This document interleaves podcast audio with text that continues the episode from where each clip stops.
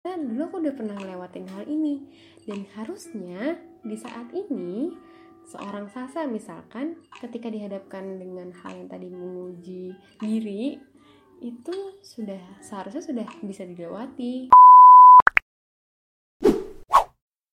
Assalamualaikum teman-teman, kembali lagi di podcast berbincang. Kali ini dengan episode baru dan segmen baru mungkin nggak nggak tahu sih ya Cuman kemarin terakhir Sasa cerita tentang unhealed trauma yang belum terselesaikan. Kenapa? Karena Sasa rasa masih perlu riset, perlu pelajaran yang lebih lanjut untuk membahas itu khusus. Cuman dari Sasa sendiri ya belum bisa memprioritaskan hal tersebut dan masih perlu banyak waktu untuk diri Sasa sendiri. Jadi mohon maaf mohon maaf uh, karena belum bisa lanjutin itu. Sebenarnya pengen masih pengen cuman nggak tahu ya nanti tiba-tiba muncul di episode yang keberapa bahas lagi tentang unhealed trauma.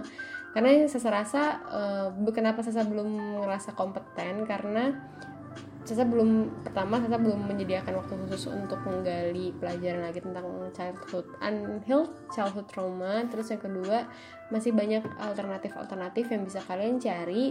Dan saya tidak mau mensesatkan pola pikir kalian. Jadi bisa cari ke Mbak Analisa Widya Ningrum channel di YouTube atau di tempat-tempat lainnya gitu. Itu sangat membantu sih. Itu satu satu ah sah susah banget sih ngomong. Menurut saya itu udah suatu hal yang lumayan membantu. Um, oke okay, jadi di sini saya pengen merefleksikan sedikit tentang uh, apa yang saya alamin di bulan Januari. Uh, apa ya di Januari ini menurut saya luar biasa karena kita ngalamin banyak hal bahkan di minggu awal minggu kedua masuk masuknya itu tuh kayak ada kabar pesawat jatuh terus ada banjir di Kalimantan Selatan. Di Samarinda sendiri di tempat saya sempat banjir cuman uh, kayak banjir biasa yang kadang di wilayah yang ini banjir sana enggak terus nggak lama surut lagi kayak gitu. Walaupun agak sempat tinggi sih cuman alhamdulillahnya aman. Terus uh, tadi ya banjir di Kansel terus ada gempa di Mamuju ya kalau nggak salah. Terus ada di Jawa juga tentang gunung meletus bahkan ada tur angin puting beliung di daerah Jawa Tengah dan banyak segala macam dan bencana-bencana alam lainnya. Dan bahkan kita sendiri belum selesai dengan COVID-19 seperti itu. Jadi pergejolakan sekali ya cuman saya rasa kalian akan mulai uh, bisa paham dengan situasinya dan mulai bisa menghadapi itu mempunyai respon dan bersikap lebih bijak ketika mendengar kabar seperti itu. Kan udah pengalaman ya di tahun 2020 kita sendiri tuh udah uh, rasanya tuh kayak udah survive banget nih alhamdulillah udah lewat nih 2020 kayak gitu. Padahal di 2001 2021 juga kita ngalamin suatu hal yang luar biasa gitu. Hmm, tapi ya begitulah itu hal-hal di luar yang di, di luar kendali kita. Jadi bagaimana kita fokusnya itu bagaimana kita bisa bersikap untuk menghadapi hal itu. Kalau bisa ada rezeki terus mau membantu silahkan. Kalau terus apa dianjurkan sekali peduli dengan sesama ya. Kemudian uh, juga terkait bagaimana kita mendoakan mungkin uh, seperti itu.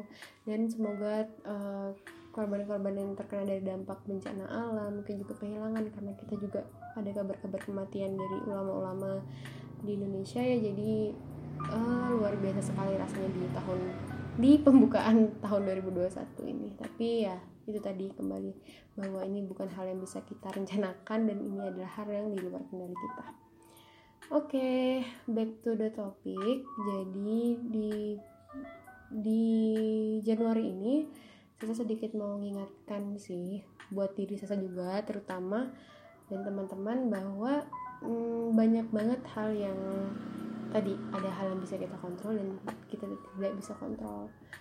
Hmm, cuman di sini tuh saya pengen ngingetin nih kemarin tuh ada kejadian pengen cerita dulu ya. Kemarin tuh ada kejadian deh saya ngerasa bahwa saya tuh lagi memasuki di fase hal yang baru terus ketika masukin hal baru termasuk tempat dan segala macam perlu waktu adaptasi lagi.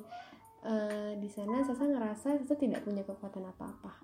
Sasa bingung gitu ya. Bingung Sasa kayak nggak punya preparing apa-apa.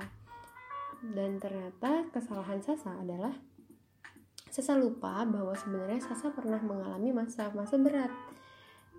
Uh, ini sebenarnya Sasa apa ya terlalu samarkan mungkin teman-teman bisa jadi nggak paham kayak misalnya nih uh, apa ya uh, ketika kita di dihadapkan satu hal yang baru dan menantang mental kita dan menantang kekuatan diri kita kadang kita tuh bisa lupa sama hal-hal yang sudah kita lewati di masa lalu. Contohnya seperti apa?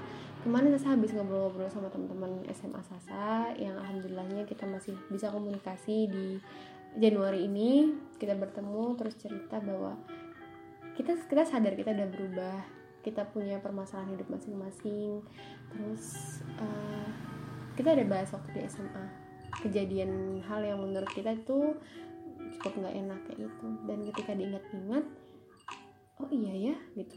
Perjalanan SMA kami itu tidak mudah gitu. Perjalanan SMA kami kan kami dulu asrama ya kami asrama sudah harus jauh dari orang tua. Walaupun ada plus minusnya di balik itu tapi ketika kami di sana kami mengalami suatu hal yang tidak mudah gitu ya tidak mudah. Entah dalam remaja umumnya atau gimana pokoknya itu tidak mudah. Karena kami yang memegang prinsip atau kami yang uh, apa ya biar biasa lah ya namanya manusia kita punya pertentangan pertentangan itu. Jadi uh, kita oh iya benar. Kita kita deket nih gara-gara kita punya suatu value kayak gitu. Kita punya suatu value.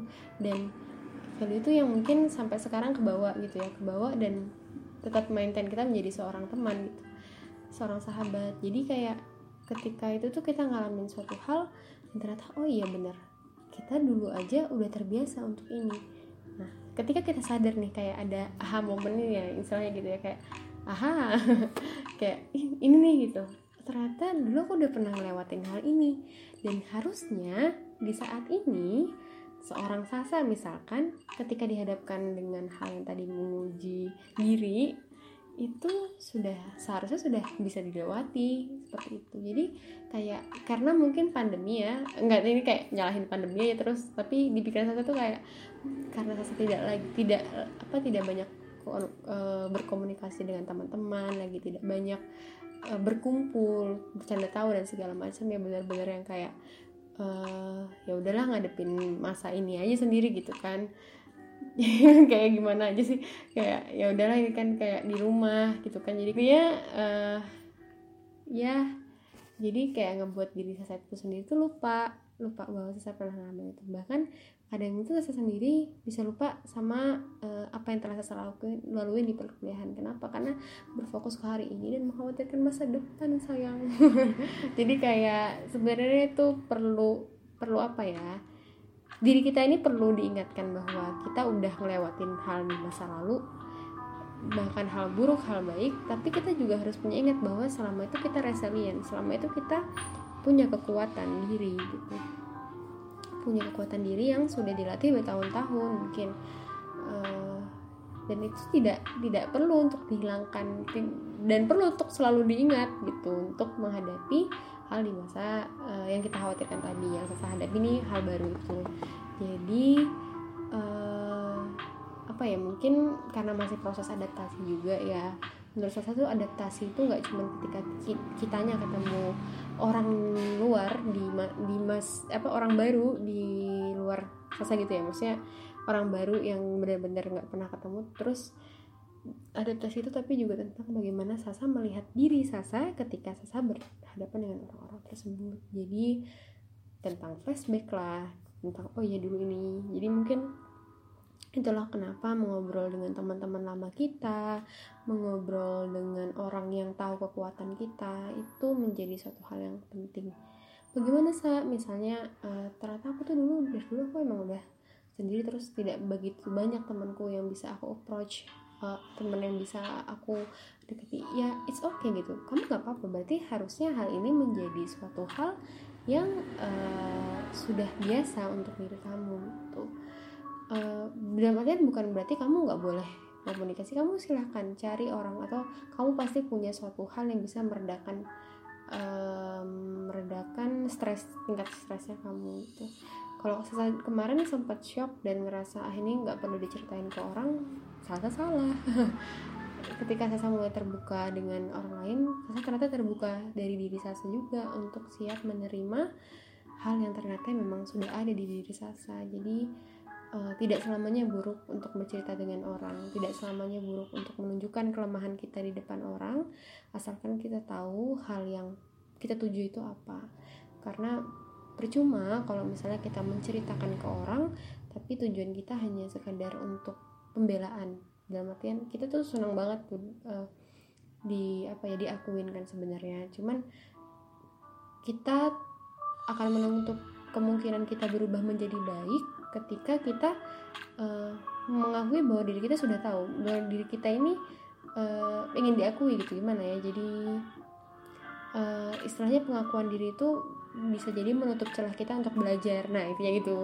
Jadi menurut Sasa perlu kita sadari bahwa diri kita hari ini itu terbentuk dari pengalaman kita di masa lalu bahwa diri kita hari ini akan mengkhawatirkan kita di diri kita di masa depan.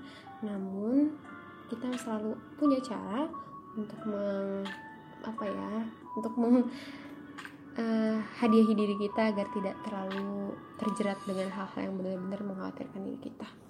Kita juga punya kemampuan kita untuk berdoa kita juga punya kemampuan kita untuk bersyukur kita punya kemampuan untuk um, mengapproach teman-teman lama kita untuk mengingatkan atau kita punya catatan-catatan kecil terkait bagaimana kita dulu kita perlu refleksi itu ke diri kita yang sekarang untuk kita bersiap di masa depan. Insya Allah jadi begitu dulu dari Sasa uh, sedikit tapi semoga bermakna buat teman-teman sekalian. Dan saya berharap ini menjadi sharing aja sih ya podcast berbincang ini sebenarnya ingin menjadi seorang teman karena dia bercerita jadi dia butuh teman uh, mendengarkan Sasa juga uh, sering menuliskan refleksi kehidupan Sasa di ruang cerita sasa.blogspot.com jadi teman-teman bisa lihat ke sana uh, di personal IG Sasa yang tentunya ada juga di tag-tag di postingan di podcast berbincang ini oke okay? jadi podcast berbincang ini tujuan awalnya tuh sebenarnya berbincang dengan orang tapi karena pandemi jadi ya kita berbincang dengan diri sendiri aja dulu. Oke itu aja dulu dari Sasa terima kasih buat teman-teman yang sudah mendengarkan. Sambung lagi insya Allah didoakan biar ada episode selanjutnya. Assalamualaikum warahmatullahi wabarakatuh